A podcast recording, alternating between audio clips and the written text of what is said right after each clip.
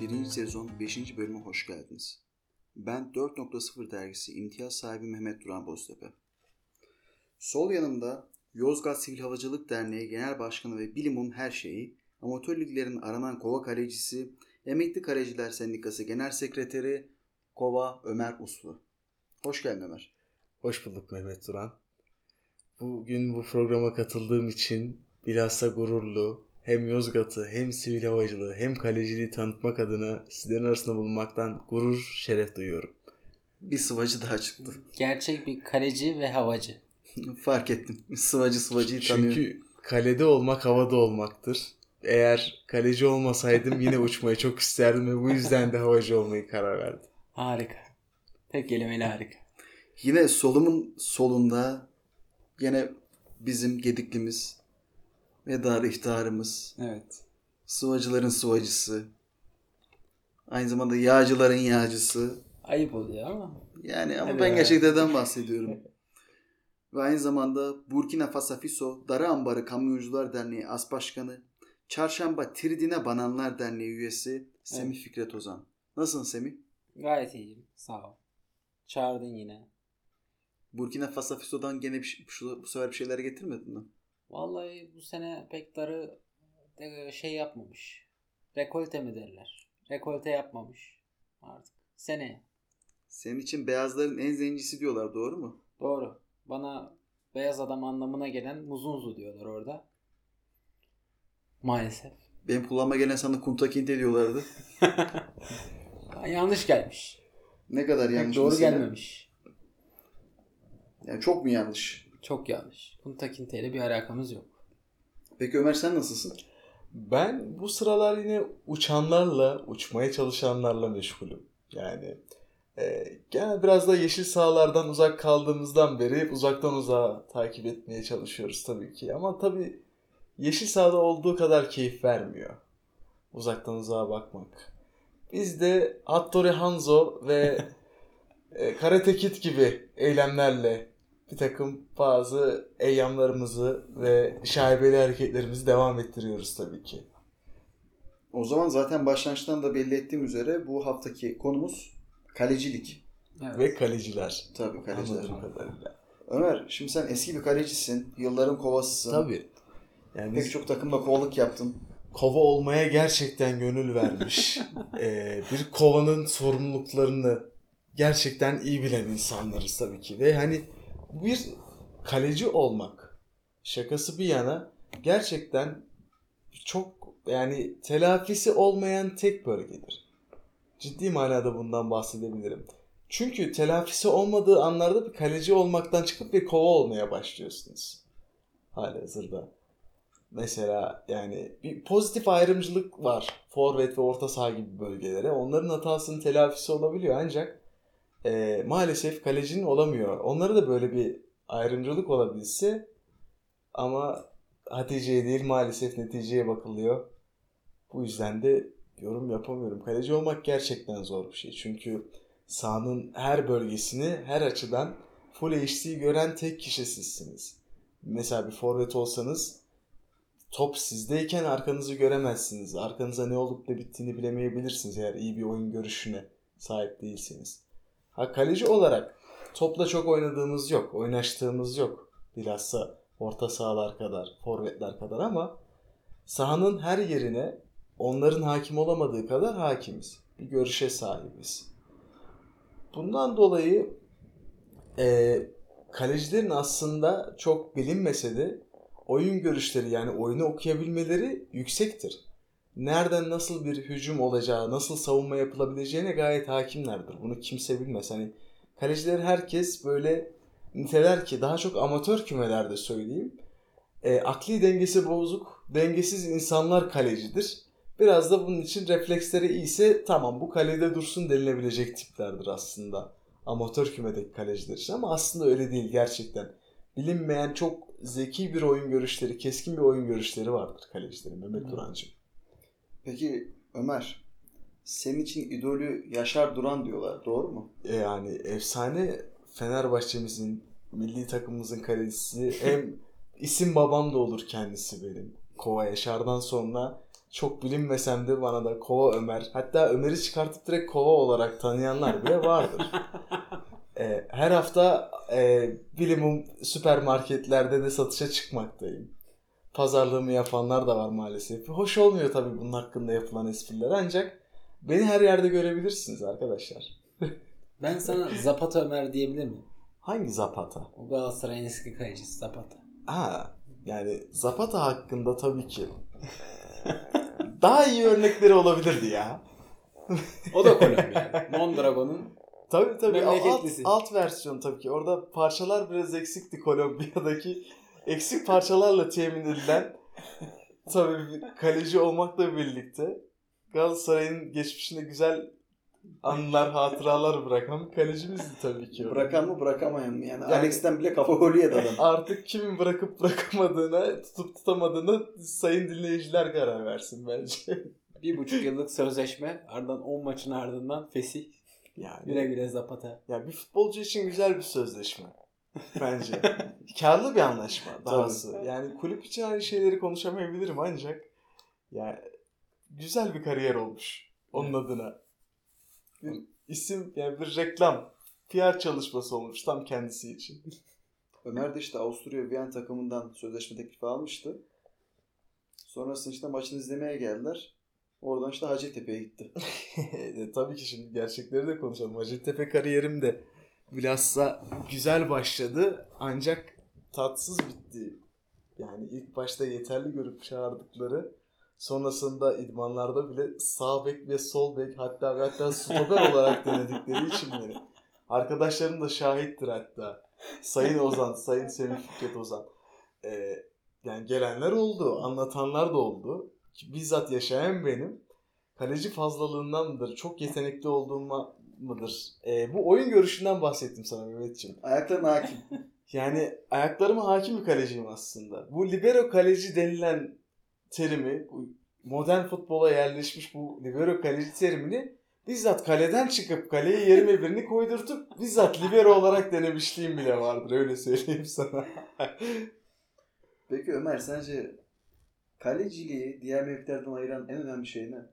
Şimdi şöyle bir şey var. Bu hatalar silsilesi, telafisi olmayan şeylerden bahsettim sana. Ee, kaleciliği diğer mevkilerden ayıran en önemli özellik tabii ki bu el kullanma olayı sonuçta. Ve hani e, şöyle bir çok sevdiğim bir özdeyiş vardır. Söyleyeni anonim olmakla birlikte. Kaleci olmak iyi bir insana benzer. İyi bir insan olmaya benzer. Ne kadar kurtarış yaptığının bir önemi yoktur. İnsanlar her zaman senin yaptığın hatalarla seni hatırlayacaklardır. Bak, Çok güzel bir söz. Aynen. Ya iyi bir insan da mesela yaptığı iyilikler göze batmaz çünkü her zaman yapılıyor denilir. Çünkü görevidir bu gibi addedilmiştir. Ama o iyi insan ne zaman bir hata yaptığında en kötü insan olur aslında. Yani çünkü ondan beklenilmeyen bir şey yaptığı için. Ha, tabii ki kalecinin görevi sonuçta gelen topları çıkartmak. Bu onun görevidir. Ama işte dediğim gibi pozitif ayrımcılığa geliyor. Forvet yaklaşık 15 tane şut kaçırsa bile bir tane attığı zaman kahraman ilan edilmese bile en azından günü kurtardı denilebilir ama kalecinin böyle bir günü kurtarma şansı yoktur. Kaleci 15 şut kur- kurtarsa bile o yediği hatalı bir şut onu her zaman kötü adam yapacaktır. Yani bence sahadaki 11 kişinin arasındaki günah keçisi kalecidir.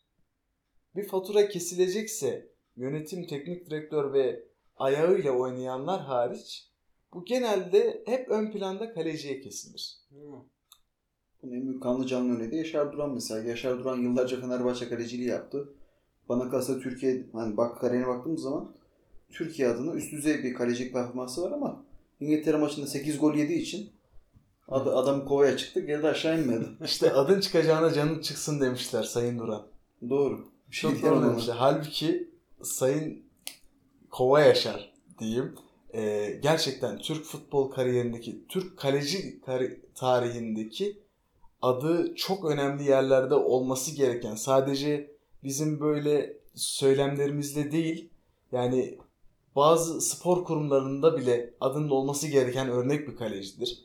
Ama İngiltere maçında yemiş olduğu 8 golden sonra gel gelelim adı Kova Yaşar'a çıkıyor. Evet, üzücü bir Maalesef. şey. İşte burada pozitif ayrımcılık başlıyor. Halbuki bir forvet şöyle söyleyeyim sana Mehmetciğim.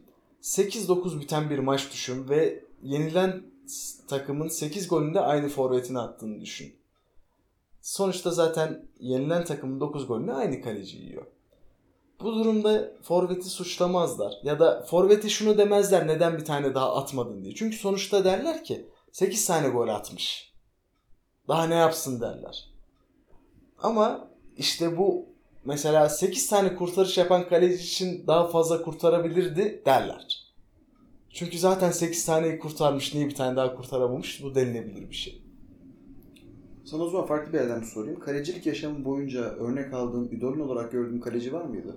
Mental yapı olarak Oliver Kahn'ı her zaman çok sevmişimdir. Çünkü onun saha içindeki e, hem bir karşı tarafı ezdi, ezme politikası, kendi takım arkadaşlarını bile yeri geldiğinde ezme ve onları gaza getirme politikası. Hani bir takımın saha içindeki mentoru vardır ya, mentor hocası, akıl hocası vardır. Sahanın dışında değil de sahanın içindeki kişi. O benim için mesela Oliver Kahn'dır. Her zaman kendi takım arkadaşlarına bile kızıp yeri geldiğinde kızıp onlara en büyük destekçisi olan kişidir. Ve hani Oliver Kahn gerçekten 90'lı yılların, 80'li yılların, 80'li yılların son 90'lı yılların başının en efsane kalecisidir benim için. Ve idolüm oydu yani hani şöyle söyleyeyim yeni mecralardan kaleciler olduğumuz için yani zamanda yakın geçmişten bahsedeyim hani bir izleyip de bir maça çıkarken hani gaza gelmek için izleyip aa ben de böyle olmalıyım dediğim kalecilerden bir tanesiydi Oliver Kahn. En Peki- büyük idolümdü. Genel anlamda takip ettiğin ve takdirle karşıladığın kaleciler var mı? Şimdi şöyle söyleyeyim. Tabii ki bu yeni gelişen kaleciler e, ve artık kalecilik kavramının modern futbolda biraz daha değişmesiyle birlikte Endüstriyel Günümüzde- futbol. Aynen. Endüstriyel futbol dahası. Ee, kaleciliğin libero kalecilik kavramının ortaya çıkmasıyla birlikte hani yetişen kaleciler bile dallarına ayrılıyor. Mesela bir sağ bek e, çakılı bir sağ bek olabilir. Sadece alanın sağ bölgesini korumakla mükellef olabilir. Hücuma çıkmayabilir. Ya da iki yönlü bir bek olabilir. Bu artık kalecilikte de, kalecilik pozisyonunda da olmaya başladı. Libero kaleci veya standart kaleci gibi. Bunun ilk başlangıçlardaki devrimi ise Lev Yashin'in e, ondan önceki kalecilerin yani 40'lı yıllardaki kalecilerin kale çizgisinden bir adım bile öteye geçmeyip top kurtarmaya çalıştığı zamanlardandır. Yani Lev Yashin o kale çizgisinin şey- şöyle söyleyeyim önüne geçme kavramını futbol kalecilik te- literatürüne koymuş bir kalecidir. Dünyanın da yani 20. yüzyılın en iyi kalecisidir. Öyle.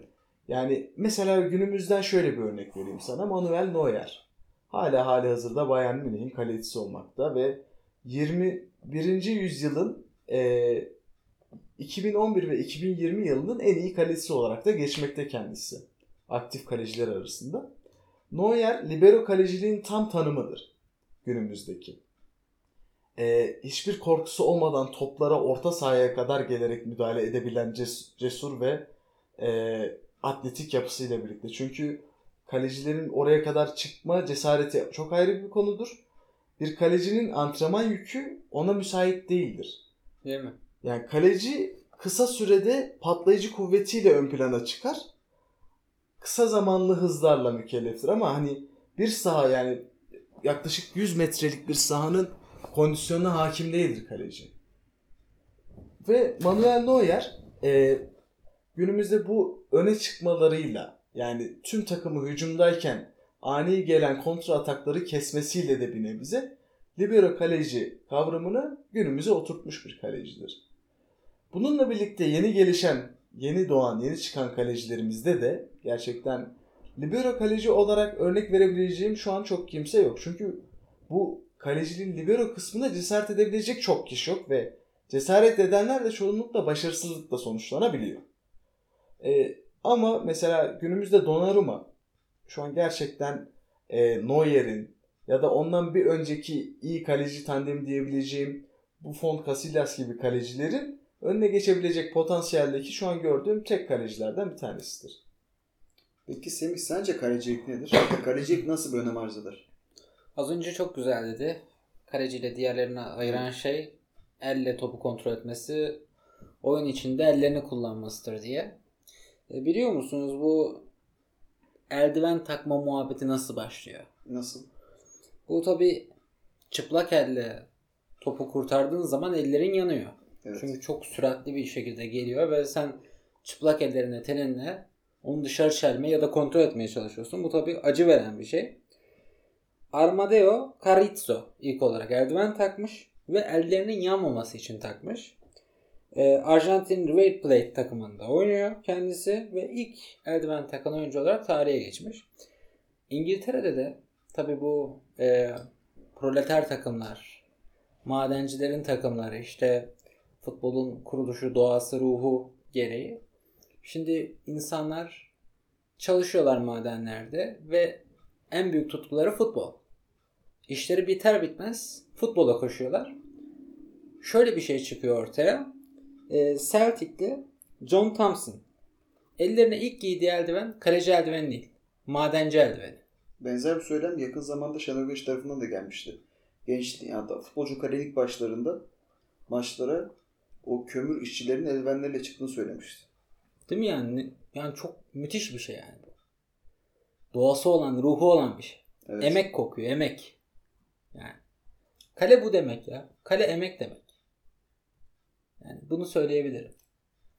Peki bunun haricinde kalecilik oyun içerisinde nasıl bir önem arz ediyor senin için? Şimdi baktığında kaleye, kaleci dediğin adam diğer tüm takım arkadaşlarından farklı bir forma giyiyor. Direkt başkalaşıyor. Evet. Ve takım arkadaşlarının tamamının yüzü ona dönük.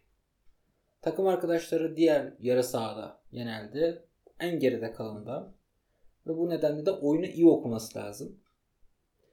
Şimdi bir kaleciye baktığımızda kalecinin böyle en önemli özelliği benim gözümde oyunu okuması, çok dikkatli bir şekilde topu izlemesi ve oyunu kurmasıdır.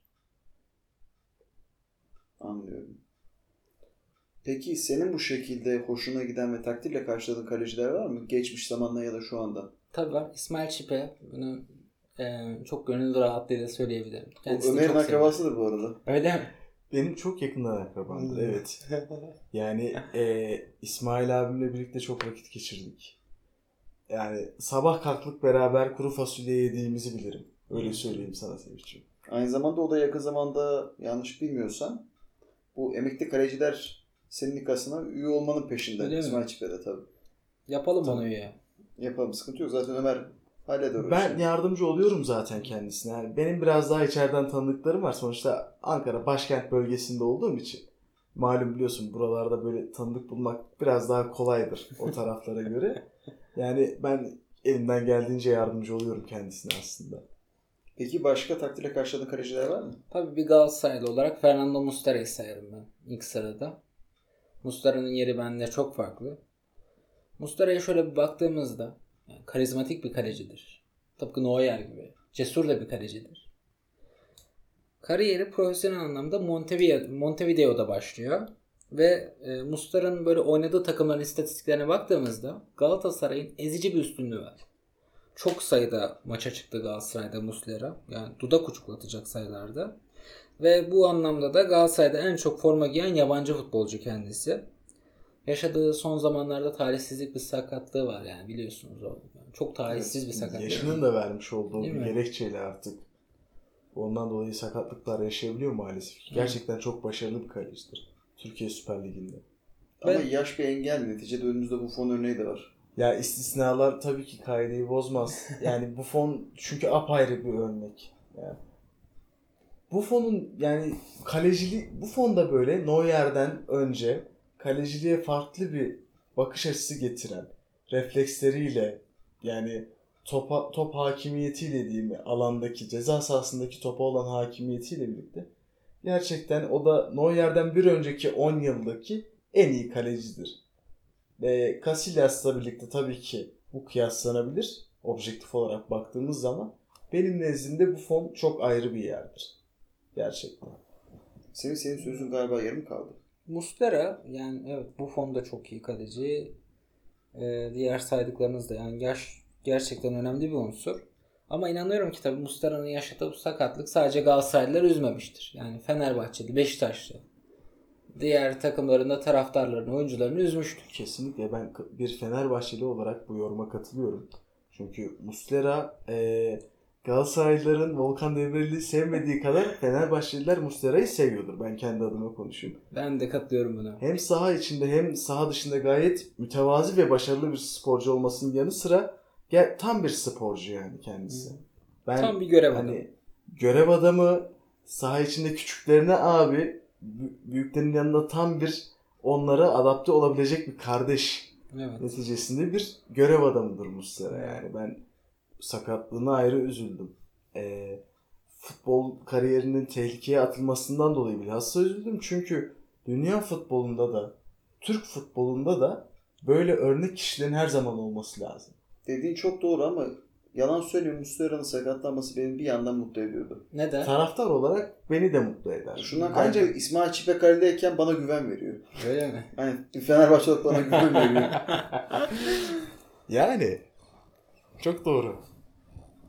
Muslera Galatasaray'ın son zamanlarda ilk kaptan da aynı zamanda. Aynen. Aynı zamanda tabii bir aile babası da Muslera. Peki sizce Muslera'nın idolü kimdir? Volkan Babacan. Öyle mi dediniz? Muslera'nın tahminimce şöyle düşünürsek Muslera kaç yaşında bilmiyorum ama 90 doğumlu falandır tahminimce. 36 yaşında olması lazım Muslera. 36 ise o zaman Taffareli Maffareli denk gelmiştir. Tafarel'i denk gelmiştir ancak o zamanlar gerçi Tafarel tabii ki Güney Amerika'nın en iyi kalecilerinden. Yine yolu Türkiye'den geçen biri. Muslera'nın ne oluyor? Oscar Cordoba. Evet, diyor. Cordoba. Kendisi. Kolombiyalı. Tabii e, Oscar Cordoba Beşiktaş'ın Evet. kalecisiydi. Çok uzun zaman. Ve hatta Boca Juniors'ta çok iyi işler başardı. Oscar Cordoba Beşiktaş'ta Boca'dan daha fazla forma giyiyor. Yani daha fazla maça çıkmış. Tabii Beşiktaş demişken yani Kadıköy Panteri Panku'yu da unutmamak lazım. Şimdi, şimdi 80. dakikada Oscar Cordoba kırmızı kart görüyor. Kaleye Panku geçiyor. Kaleci formasını ters giyerek. 10 dakikadan fazla zaman var. Yani bir futbol maçında gol atmak için gayet yeterli bir zaman. Eğer ki hırslıysa. Anelka mı dersin? Tuncay mı dersin? Alex mi dersin? Hepsi deniyor. Panter. Panko adeta bir panter kesiliyor ve Kadıköy'de Fenerbahçe'yi 4-3 yeniyor Beşiktaş. Ama bazen takımın top tarafından sevilmesi gerekiyor. Çünkü top eğer seni sevmemişse seni sevdiği kadar uğraş olmuyor. Biz bunu 2006'da Denizli'de gördük. 2010'da Trabzon'da gördük. Tabii ki. 2012'de Galatasaray'la içerideki maçta gördük. Biz buna çok sık şahit olduk. Sen o yüzden bu lafları geç bize bunu anlatma. Biz bunu çok gördük. Biz bizim için bu genel olarak hani bir sezon sonu provası gibi şeyler yani. Yani bu sıradan benim için. Yani Cordoba diyebiliriz ki Muslera'nın hayatında önemli bir yer tutmuş. Ve şaşırtıcı tabi Muslera aynı zamanda FIFA'nın en iyi kaleciler listesinde de yer almış. Kaçıncı 7. sırada? 7. sırada. Yedinci sırada. Tabii. 7. sırada yer almıştır Muslera. Ve Muslera'nın kariyerinde bir de golü var. O golü de Manisa Spor'a karşı atıyor. 2012'de. Evet çünkü hatırladığım kadarıyla işte Galatasaray'ın as takımında gol atmayan hiçbir oyuncu kalmamıştı. Bir tek Muslera kalmıştı. Muslera sesleri, teknik direktörün onayı, arkadaşlarının çağrısı falan. Muslera gitti, Volkan Babacan'ı avladı kalede. Ve 4-0 o maçın sonucu. Zaten 3-0'dı yani kaybedilecek pek bir şey yoktu Galatasaray adına. Domine etmişti maçı. O maçın galiba intikamını bu sene Galatasaray'dan Türkiye Kupası'nı aldılar. Evet. Penaltılara kalan neydi o maç? Ee, yanlış hatırlamıyorsam hangi maçtı? Bu şey maçından, Denizli maçından bahsediyoruz. Sanırım Denizli maçı. Denizli Evet. maçında Denizli'nin kalecisi penaltılarda Muslera'ya gol attı. O şeyde Denizli'de üst tura çıktı. Denizli'nin kalecisi yanlış hatırlamıyorsam yine dinleyicilerimiz düzeltsinler. 35 numaralı formayı giyen e, genç bir kardeşimiz diye o maçta forma giyen. Yekta Ben- mı? Yok. Genç yetenek Semih. Yok. Keşke Semih olsa. E, tam hatırlamıyorum kalecinin ismini ama o maçta gerçekten Galatasaray karşısında çok güzel bir performans ortaya koymuştu. E, eğer hatırlayabilirsem eğer ismini sizinle paylaşabilirim birazdan. Bu arada sen UEFA'nın en iyi kaleciler listesi demiştin değil mi? FIFA'nın. Pardon FIFA'nın. O listeye bence girenler arasında daha öncelikle konuşmamız gereken bir kaleci varsa o da Rüştü. 2002'de Evet. o listede birinci sıradaydı. Öyle Oliver mi? Kahn'la birlikteydi birinci sırada. Ve aynı zamanda Rüştü Reçber şu anda da gelmiş geçmiş en iyi futbolcu listesinde 100. sırada olması lazım. İlk 125'in içinde diye biliyorum. Şu ilk Ben de. 100 var ya orada Emre ile birlikte Rüştü de var diye biliyorum ben. Doğrudur. Bu çok Doğrudur. önemli bir kaleci. Ki şöyle bir özelliği de var. Rüştü 73 Antalya doğumlu. Korkuteli. Hı hı. Bu tabii gereksiz bir bilgi. Hani kendi şahsi yaşamını öğrenmek isteyen biri için önemli olabilir ama Antalya'da hemşerisi varsa. tabii Rüştü. onlara buradan selam olsun. Rüştü'nün bir olayı da şu. Rüştü da kaleci kariyerinin başındayken Fatih Terim tarafından fark ediliyor. Galatasaray denemeye çağrılıyor ve Galatasaray tarafından beğenilmiyor.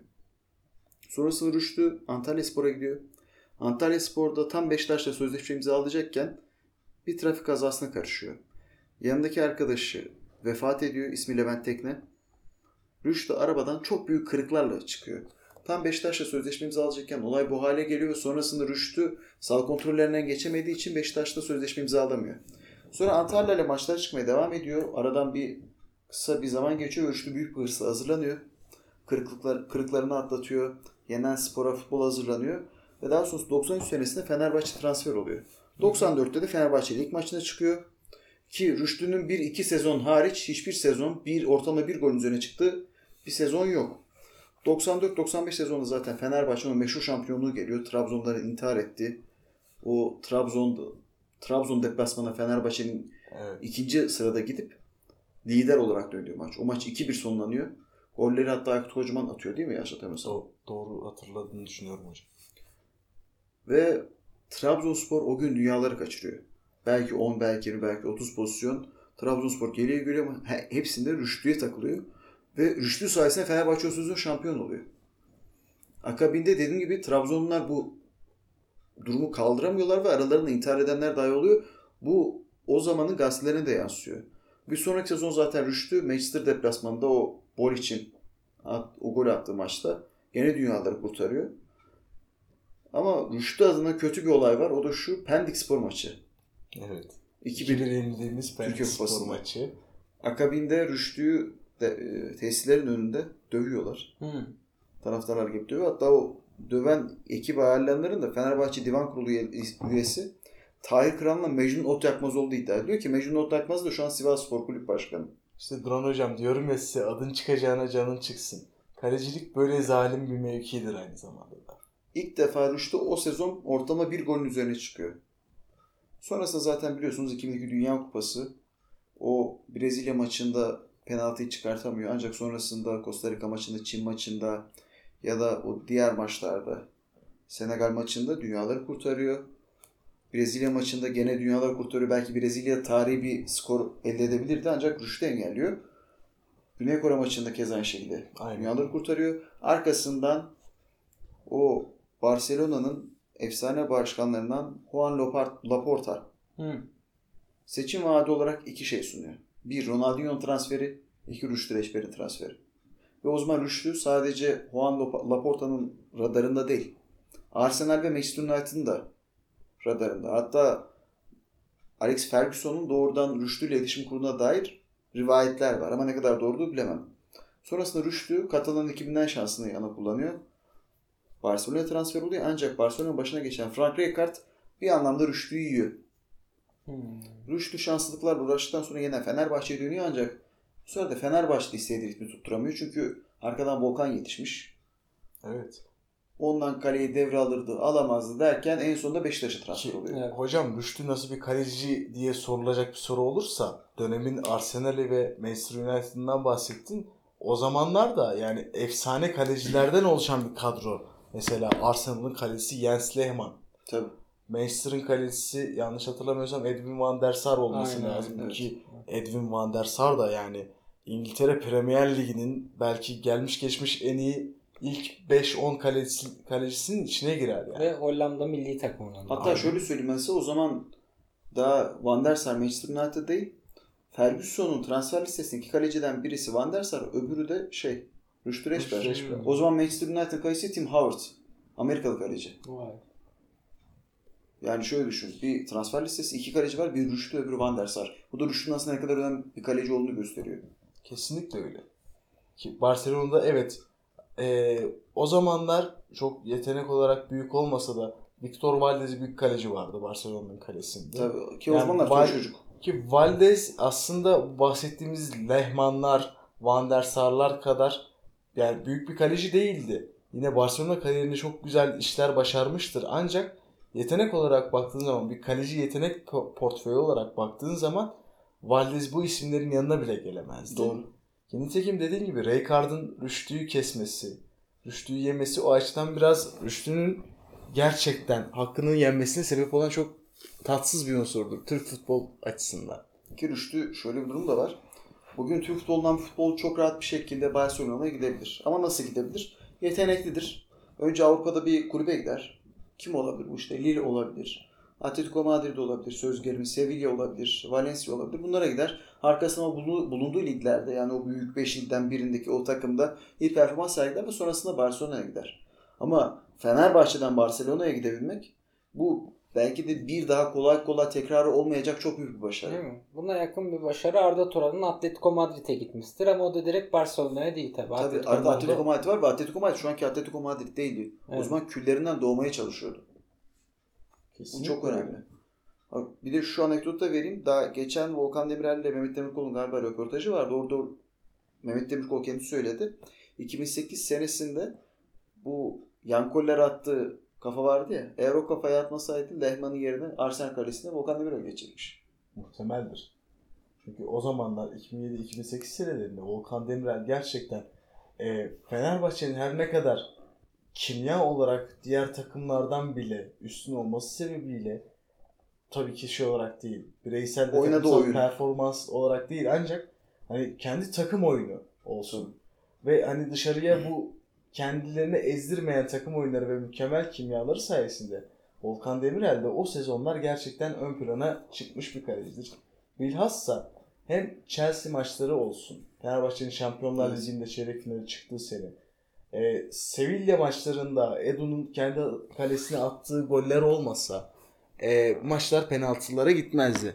Nitekim penaltıya gitmesiyle de birlikte e, o dönemin e, sonrasında da Brezilya'nın en efsane sağ beklerinden birisi olmuş olan şu anda da hali sağ bekliyor. pardon. Daniel Alves Sevilla'da oynadığı zamanlar e, daha Daniel Alves'in parlama yıllarından bahsediyorum Evet. ki o zamanın Sevilla'sı gerçekten çok efsane bir kadroydu aslında. Diego Capel'ler olsun, Daniel Alves'ler olsun, e, Frederick Omar Canute'ler olsun. Bu gibi gerçekten hani yüksek Real Madrid, Barcelona ya da Premier Lig'e çıkabilecek potansiyeldeki oyuncuların oluşturduğu bir kadro. Ve bir tarafta da Fenerbahçe savunmada bariz hatalar oluyor. Grup maçlarında da yaşanmış.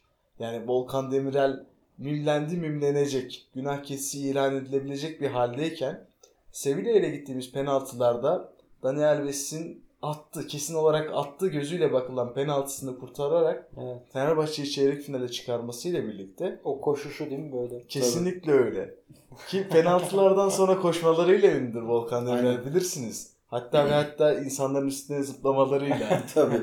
iyi takım, bilir. tabii ki bazı futbolcular çok iyi bilir.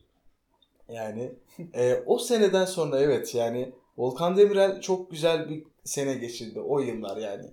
Ondan sonrasında tabii ki hem e, Fenerbahçe'nin Avrupa'daki başarılarının biraz daha azalması, daha çok lig maçlarına odaklanması ile birlikte tabii ki Volkan Demirel'in PR'ı daha da düştü.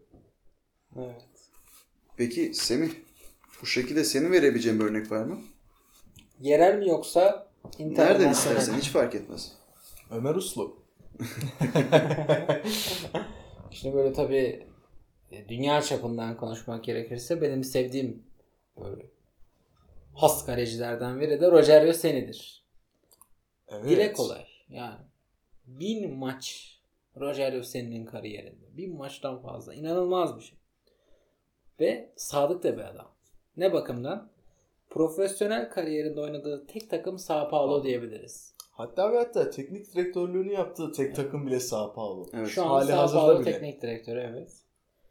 Yani Brezilya milli takımında biraz oynadı. Onun haricinde Futbola başladığı takımın adı da Sinop. Sinop'ta futbola başlıyor. Sinop'un şeyi de ünü de Rogerio Sen'in futbola başladığı takım olması. Yani böyle bir olay var. Sinop da hocam Brezilya'da mutlulukların şehri diye geçer Evet. bilir misin? Sessizlik, mutluluk, huzur. Tabii ki hem Türkiye'de olduğu gibi ama Brezilya'daki kavram biraz daha farklı. Yanlış hatırlamıyorsam bir liman şehridir. Ee, gemici arkadaşlarımla da konuştuğum zaman her zaman şunlardan bahsederlerdi. Bazı liman şehirlerinde muhakkak gemi adamlarını bekleyen kişiler olur. Hı hı. Ancak e, gemiciler her zaman Brezilya limanlarında dikkat edilmesi gerektiğini söylerler. Çünkü karşından gelen insanın tam olarak cinsiyetini kavrayamayabilirsin gibi bir ihtimal söz konusudur. Ama bu açıdan Sinop gerçekten mutluluklar şehridir. Onu da belirtmek isterim hocam ayrıca. Sözünü kestim. Ne demek estağfurullah. Seni deyince aklıma bir de tabii bu Rogerio Sen'in kendine has o özel formaları gelir.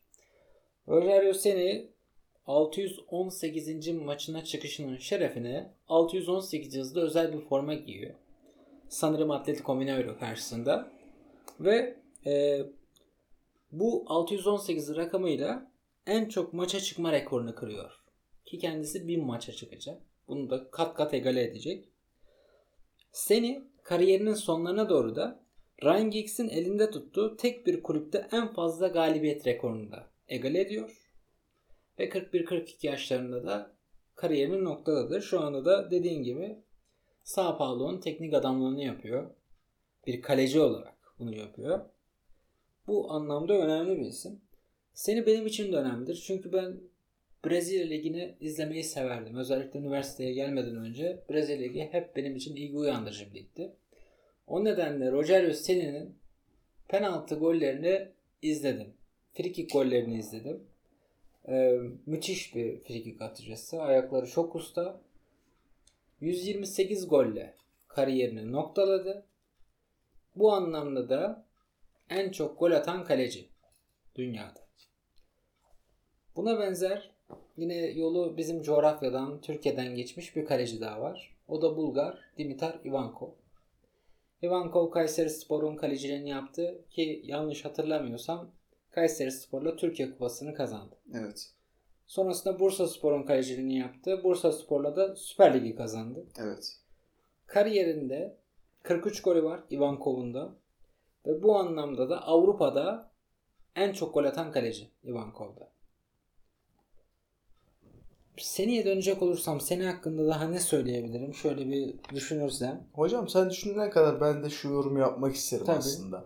Ee, bu gibi gol atan kaleciler e, Jose Luis Chilavert olsun. Evet Şilavert. efsane akrep vuruşuyla ünlü olan Rene Higuita olsun. Rogerio Seni olsun. Bu kalecileri bu özgüvenler sizce e, Güney Amerika futbolunun e, takım oyunundan daha çok bireysel yeteneklerden e, Kesinlikle. mi- oluşmasından kaynaklı. Katılıyorum sanki. Ve hani Avrupa'da bunun çok örneği yok. Dediğim gibi Ivankov var. Başka örnek verebilecek olursam e, aklıma benim birisi gelmiyor yani. Şu an gelmiyor. İlla ki vardır ama hani o kalecilerin de hakkını yemeyelim ama yani bu bundan kaynaklı olabilir. Çünkü Avrupa futbolunda kalecileri tam bir görev adamı ideolojisi Evet. iletilmiş olsa gerek ki bu gibi eksantrik kalecileri Avrupa'da göremiyoruz maalesef. Brezilya Ligi'nde bir maçı izleyince Brezilya bir futbolcunun yaptığını Avrupa'da izlerse eğer der ki ya bu ne bencil adam der. Yani topu dağıtmıyor, arkadaşlarına pas vermiyor, dikine gidiyor, top kaybediyor. Çok risk hareketler yapıyor. Bu çok böyle şey bir adam derler yani. Bencil bir adam. Görev adamı değil derler. Kıtalar arası bir kültür farkından kaynaklanıyor aslında. Orası bunlar. dünyanın harbiden ters köşesi. Güney Evet. Amerika dünyanın ters köşesi. Hem Kalecilik kültür farkı anlamında da. hem de aynı zamanda orada yetişen futbolcu plajda o kıvrak ayaklarını sergilemek maksadıyla kendisini geliştirerek yoluna devam ediyor. Bu kaleci de olabilir ya da bir forvet de olabilir. Ve bunu neticede böyle bir eğitim almışsan elbette bunu bir yerde de sergilemek istersin. Aslında bu gibi oyuncular Sayın Duran eee, küçüklük yıllarında mesela Seni olsun, Şilavert olsun, Higuita olsun bunlar kesin yaptığı olarak söylemiyorum ama küçük küçüklük yıllarında bu gibi kaleciler muhakkak alt takımlarda orta saha, forvet, defans gibi mevkilerde görev almıştır. Mesela e, Neuer'den bahsettik. Libero kaleci tanıtımını futbola daha çok e, yani getiren bir kaleci. Neuer mesela gençlik yıllarında e, tam bir tam bir demeyeyim. Çok özür diliyorum. Forvet olarak oynamıştır. Ayaklarına hakimliği bundan da kaynaklıdır. Çevikliği olsun, atletikliği olsun. Bu gibi sebepleri de vardır. Gençlik yıllarında başka mevkilerde de oynadılar bunlar. Bu arada arada kalecilerin farklı mevkilerde oynamasına dayanarak kendini yağladığını fark etmediğimi sanma. Senin bek olarak oynamış olman senin kova olduğun gerçeğini değiştirmez. Ben bilakis e, kale, şu anki kalecilerin yaptığının daha tersi bir şey yaptım. Kaleci olarak başladığım futbol hayatıma sağ bek ve stoper olarak da devam ettim ki bu daha çok cesaret isteyen bir şey olduğunu düşünüyorum. Ancak ben şunu gayet iyi biliyorum ki benim değerim e, Ankara futbolu, Türkiye futbol tarafından bilinmedi. Ben yani işlenmemiş bir cevher olarak kaldım ve körelmeye devam ettim hayatım boyunca. Bence senin değerin Andorra futbol tarafından daha net anlaşılabilirdi. Kesinlikle katılıyorum Sayın Duran. Gerçekten değer bilen bir futbol kültürü olan bir ülkede Andorra gibi, San Marino gibi. Özellikle San Marino'dan yani bu gibi ülkelerde benim değerim bilinebilirdi. Ancak maalesef buralarda bilinmedi ve bundan dolayı ben yakınıyorum. Yakınmak istiyorum. Peki Ömer genel olarak sözlerini toparlamak istersen ne dersin? Futbolda kalecilik dediğim gibi hataların telafisinin olmadığı ve günah keçisi ilan edilen maalesef yalnızların, yalnız kalanların, farklı giyinen tek mevki olanların yeridir. Ve hani kaleci olmanın zorlukları bir yana bir kaleci gerçekten çok özeldir. Bunu herkesin bilmesini isterim. Çok özen gösterilmesi gerekir. Bazen yağlanması, ballanması gerekir cilalanması, parlatılması gerekir. Yani kalecilik yaptığım zamanlardan dolayı çok mutluyum. Adımın her ne kadar kova olarak hatırlanması beni bir nebze kırsa bile yani bu deneyimlerim her zaman bana mutluluk ve gurur verdi. Sayın Duran. Peki Semih sen sözlerini toparlamak istersen son olarak neler dersin? Ben Ömer'e e, Yeşilburun idman yurduna götürüp orada Santa Monica Metin Oktay testlerinde denemek istiyorum. Ee, Sayın Teknik Direktörle görüşmeyi çok isterim. Kimdi oranın teknik direktörü? Oranın Acaba- teknik direktörü de, kulüp başkanı da, antrenörleri de, kondisyon yükleyicisi de hep Semih. O. Yani Semih Bey eğer ki sizler de düşünürseniz yarın akşam saat 6 idmanında ekiple birlikte olmak isterim. Semih Ben sen hemen bacağına not alayım. Ben e, rahmetli Lev Yashin'den almış olduğum eldivenlerle birlikte yarın o zaman orada bekliyor olacağım. Tamam o zaman imzaları atmak üzere ikinci bölümümüzde görüşelim. Görüşmek üzere. Görüşmek üzere. Çok memnun oldum. İyi dinlemeler. İyi akşamlar.